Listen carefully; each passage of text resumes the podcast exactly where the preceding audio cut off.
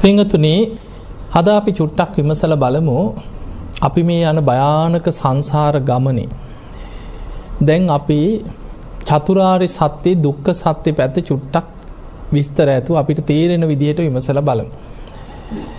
අපිට ජීවිතයේ ප්‍රශ්න නැද්ද දැඟට ප්‍රශ්නයම නැද්ද ජීවිතය අපි මේ කොච්චර බනැහුවත් මොන විදිහට පින්කං කරත් කොහොම සන්තෝසෙන් ජීවත්වෙන්න උත්සාහ කරත් එක පිට එක පිට හෙනගෙඩි පාත්වෙනවගේ කරදරෙන් නැද මිනිස්සුන්ට ජීවිතය කරදරේනවා ප්‍රශ්න එනවා ගැටලු වෙනවා. ඒනකොට අපිම කියනවා මෙච්චර හොඳට ඉන්න අපිටම ඇයි මේ කරදර. සමහර වෙලාවට අපිට මේ කර්මයේ ස්භාවේ තේරුම් ගන්න බැරි වෙනකොට. අපිට ප්‍රශ්නය එනකොට අපි මිත්‍යා දෘෂ්ටිවලට වැටෙන. සමහරලාවට පෞකාරයෙක් දිහා බලලා හිතන්න පුළුවන් අච්චර පෞකාරය යසාගේට ඉන්නවනේ. එහෙම කියනවන්නේ. අපිටමයි මේ කරදර අර පෞකාරයන්ට හරියනවනේ බලාගෙනින්න දුම් වැජබෙනවනේ. කෝන්ට මේ වැෑ විපාක කියලා අපි හිතන. එතකොට අපිට දෘෂ්ටියක් හැටියට එනවා පෞකාරයන්ට විපාක නෑ වගේ එකක් හිතට එනවා. සමහර වෙලාට හිතන මෙච්චර හොඳට ඉන්න අපිටම ඇයි මේ කරතර හොඳට ඉන්න මනුස්සයටම විපාක කරදර එක පිට එනවා වගේ හිතෙන පෞකාරයට වැජබෙනවා හොඳට ඉන්න මනුස්සයට විපාකයනවා. එහෙම එකක් අපිට හිතෙනවා අපිට ප්‍රශ්නයනකොට ඊළඟට මෙහෙම දෙයකුත් තියෙනවා. අපිට ඇස් දෙකෙන් බලලා කර්මය ගැන තේරුම් ගන්න බෑ. කම්ම විපාකෝ අචින්තියෝ කියන. මේ කර්ම විපාක විෂය බුදු කෙනෙක්ක විෂයක් එක අචින්තියයි. ඒ නිසා අපේ නුවනින් හිත හිත ඉන්න ගියොත් ඇයි අර අච්චර පව් කරන මනුස්්‍ය අර යසාගේට ඉන්න. මේ හොඳට ඉන්න මනුස්සයට මැයි කරදර කෝ එයාට මේක විපාක ඇයි අරයට අරහෙම වුණේ. ඇයි මෙයාට මෙහෙම වුණේ. අපිට ඕන විදිහට අපි එහෙම හිත හිත ගියොත් අපි වැටෙන්නේ මිත්‍යා දෘෂ්ටිව. මොකද අපේ නුවනින් තේරුම් ගන්න බැරි විෂයක් තමයි කර්ම විපාක එක බුදුහාන්දුරු පෙන්ව අචින්ත්‍ය විසයක්. හැබැයි පිංහතුනේ ඇස් දෙකට පේනවා මෙන්න මෙහෙම දෙයක් දැන්නේ මේ දේ අපිට පේනවා සමහරලාට මේ සමාජයේ විශාල හොරකං වංචාවල් කරන මිනිස්සු. ඒ මිනිස්සු නීතියනුත් මොන ක්‍රමෙන් හරි බේරෙන මිනිස්සු ඉන්න. වැජබිලා ඉන්න. සමහරු පෙනුමෙන් ගත්තා රත්තරම් පාටයි. මිනිස්සු එනවා දකින්නකොට නැගිටිනවා ගෞරව කරනවා. හැබැයි හොරෙක් වංචනිකෙක් වෙන්න පුළුව. හොඳට වැජබිලා ඉන්න. එදකොට සමහරුන්ට හිතෙනවා අච්චර පව් කරන මිනිහටමන මේ හරියන්නේ. එහෙම දෙයක් ඇස් දෙකෙන් අපිට පේනවද නැද්ද. ඇස් දෙකෙන් පේනවනනි අපිට යාගේ කර්මය සංසාර ගමන පේන්න හැබැයි ඇස් දෙකෙන් පේනවා. එහෙම දෙයක් පේන්න තියෙනවා. ඒක වෙන්න මෙන්න මෙහමයි මේ අපි තේරුම් ගත්තේ නැත්නම් අපි නියත මිත්‍යා දෘෂ්ටියකට වැටෙනවා. ඒ වෙන්න පිංහතුනේ අපි ගමු කෙනෙක් ඉන්නවා ජීවිතේ අකුසල්ම කරන මනුස්සේ පව්කම්ම කරන මනුස්සෙක් ගැන හිතක්. හැබැයි මේ අකුසල් කරන මනුස්සයා පිනුත් කරනවද නැද්ද ටිකක් හරි. ඕන මනුස්සෙක් දිහා බලන් ජීවිතය අකුසල් කර කර හිටියට එක්කෝ ගෙදර සතකුට හරි කන්න දෙන්න. පිට මිනිස්සුන්ට කොච්චර චන්ඩිකම් පෙන්න්නගෙන හිටියත් තමන්ගේ සමහලාට බිනිඳට දරුවන්ට හරි සලකනයින්. එක්කො ඒ වගේ ජීවිතේ එක්ක වෙසක් පොසොන් කාලයනකොට හරි මොනවහරි ඔය නමගහ ගන්න හරි පින්කං කරන මිනිස්සු ඉන්න. එතකොට ජීවිතේ සීයට අපි නිකම් මෙහෙම සාමාන්‍ය තේරෙන භාසාාවෙන් අපි හිතම සීයට අසුවක්ම අකුසල් කරපු කෙනෙ. හැබැයි සීයට විස්සක් වගේ කරගත්ත පින්ටිකුත් තියෙන. දැම් මෙයාගේ අකුසලේ බලවත් නං මරණ මංචකේ මතු වෙලා විපාක දෙන්න බලවත්තම ඉඩ තියෙන්නේ අකුසල් පැත්ත බලවත්. අප හිතම යා මරණාසන්න වෙනකොට අර අකුසල් බලවත් වෙලා මරණින් මත්තයා කෙලින්ම වැටුණ කියලා හිතන්න නිරේට නිරේ කියන්නේ පින විපාක දෙන්න තැනත් අකුසල් විපාක දෙන්න තැනද. නිරේදි විපාක දෙන්නේ අකුසල් ටික. අර කරපු සීයට අසුවක් තරම් ජීවිතයේ රැස් කරගත්ත අකුසල් මතුවෙවී මතුවෙවී අපායෙන් අපායට විපාක දෙනු. ඔබහල ඇති ඔයි දේවදූත සූත්‍රයේ නිරයට වැටිච්ච කෙනෙක් එකාපායකින් ගොඩේ නොනෙමේ මහා නිරේට වැටිලා දුක්විඳල දුක්විඳල එතනින් වැටෙනොකෙන අසිපත් නිරේ. ඊළඟට වැටෙන උනුවලු නිරේ කියලා අපායකට. ඊළඟට වැටෙනවා ලෝකුම නිරේට. ඔහොම දිගට දිගට අපාය වැටි වැටි බුදුහාන්දුරු පෙන්න්නනවා මහනෙන අකුසලේ ගෙවෙනකන් චොතවීමක් නෑ කිය. කෑගගහ විලාපදිදී අකුසලේ ගෙවගෙව අර අපායෙන් අපායට වැටි වැටි අකුසල විපාක ගෙවෙන. එතකොට එයා කරලා තියෙන පින් ටික අපාය ගැන පින විපාග දෙන තැනක් නෙමේ. ඒවා එහෙම යටපත්වෙනවා. ගති සම්පත්ති ගති විපත්ති කෙන ගති අනුව තමයි කර්මය බලවත්තේ. දැන්තියෙන අපාය ගතියා. අපාය මතු වෙන්න පින නෙමේ අකුසලි.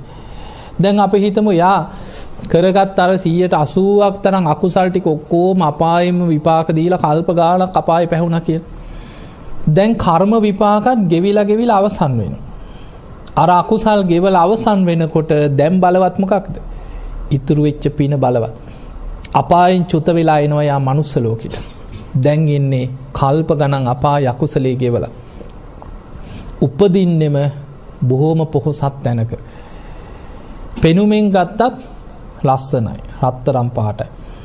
පිරිසක් අතරට ගියත් පෞර්ෂය පෙනුම ගෞරවේ කීර්තිය හැමදේම ලැබෙන ඔයාට.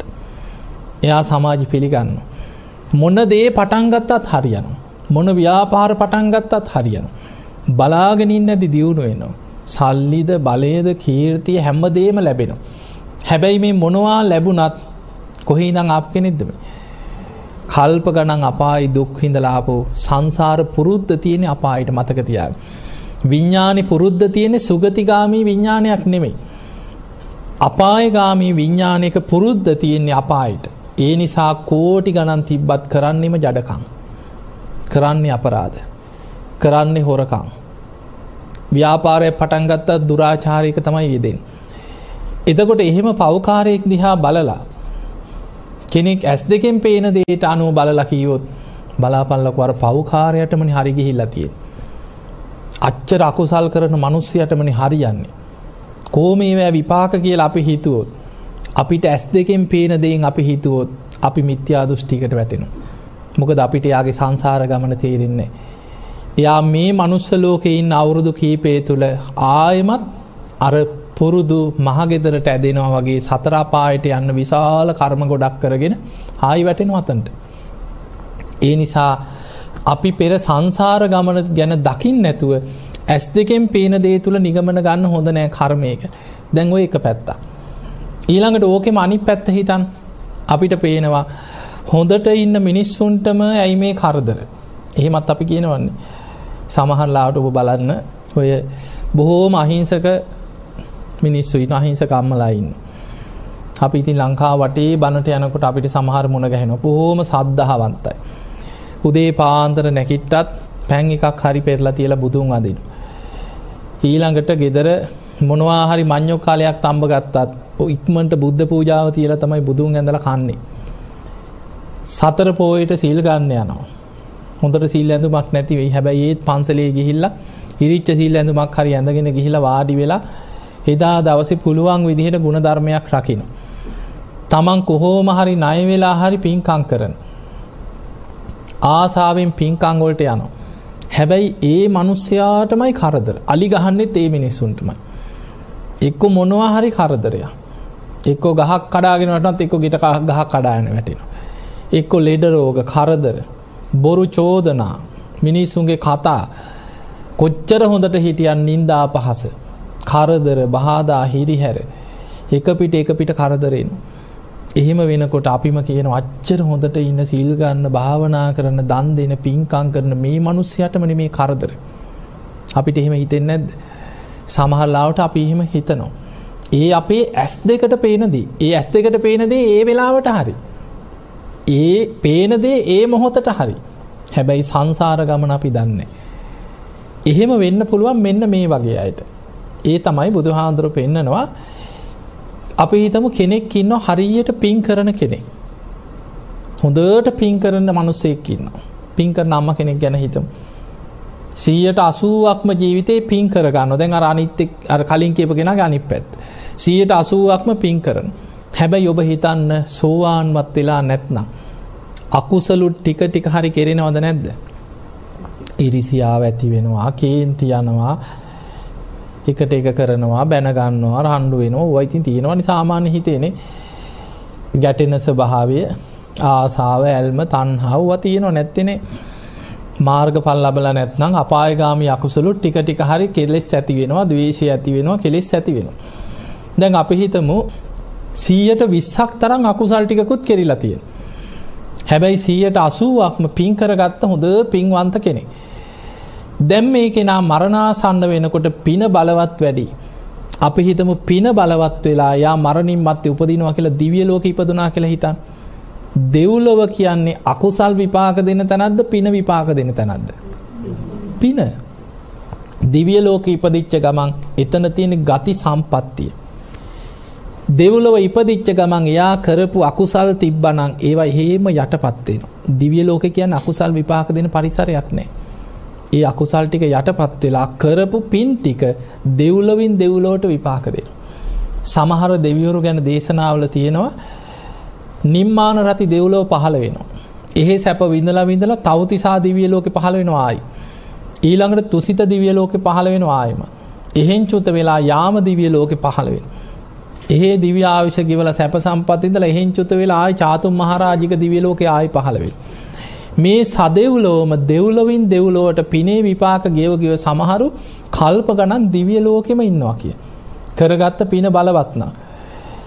එදකොට අප හිතමු කෙනෙක් දැන් දෙව්ලොව ඉපදිලා දිවිය ලෝකෙන් දිවිය ලෝකෙට අර කරපු පිනේ විපාක විඳ විඳ යනකොට පිනට මොකද වෙන්න. පිනත් විපාක දීලා අවසන් වෙනවා. මේ හැම දෙයක්ම පිනවේවා පව්වේවා විපාක දීලා කර්ම ශක්තිය ඉවර වෙන. අර පිනේ විපාක දිවිය ලෝකෙ ගෙවලා ගෙවල අවසන් වෙනකොට දැන් ඉතුරු වෙලා තියෙන්නේ අකුසල් ටික.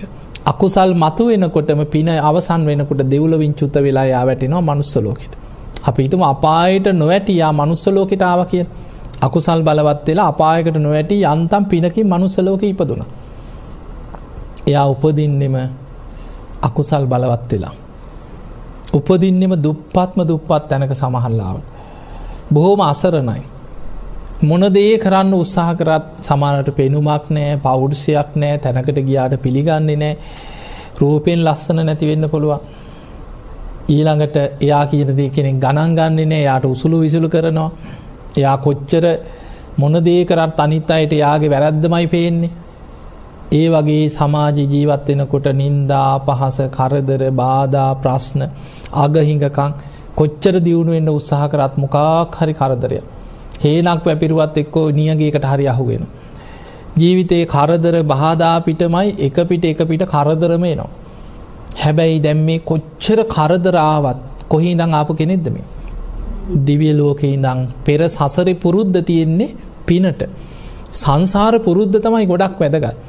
සසරි පින් කරලා පිනට පුරුදු වෙච්ච විඤ්ඥානයක් තියෙන කෙනා කොච්චර කරදර තිබ්බත් බඩකින්න ඉදල හරි තමන්ගේ බත් පත හරි කාට හරි දන් දෙන. කොච්චර කරදර බාධා තිබ්බත් බණහනෝ සිල් ගන්න යන. කොහෝම හරි පින්කමක් කරගන්නවා ජීවිතේ. ඒ මොකද සංසාර පුරුද්ධ තියෙන පිනට. එතකොට එහෙම අමාරුවෙන් හරි දන් දෙන සිල් රකින භාවනා කරන පින්කං කරන කෙනෙක් දැකලා. ඒ මනුස්සයට තියෙන කරදර ටික දැකලා අපිට හිතුනොත් මෙච්චර හොඳට ඉන්න මනුස්්‍යයාටමන මේ කරදර. කෝ මේවෑ විපාක කියලා හිතුව? අපි මිත්‍යා දෘෂ්ටියට වැටෙනවද නැද්ද? වැටෙනවා. මොකද අපිට පේන්නේ මේ ඇස් දෙකෙන් දකින එක විතරයි.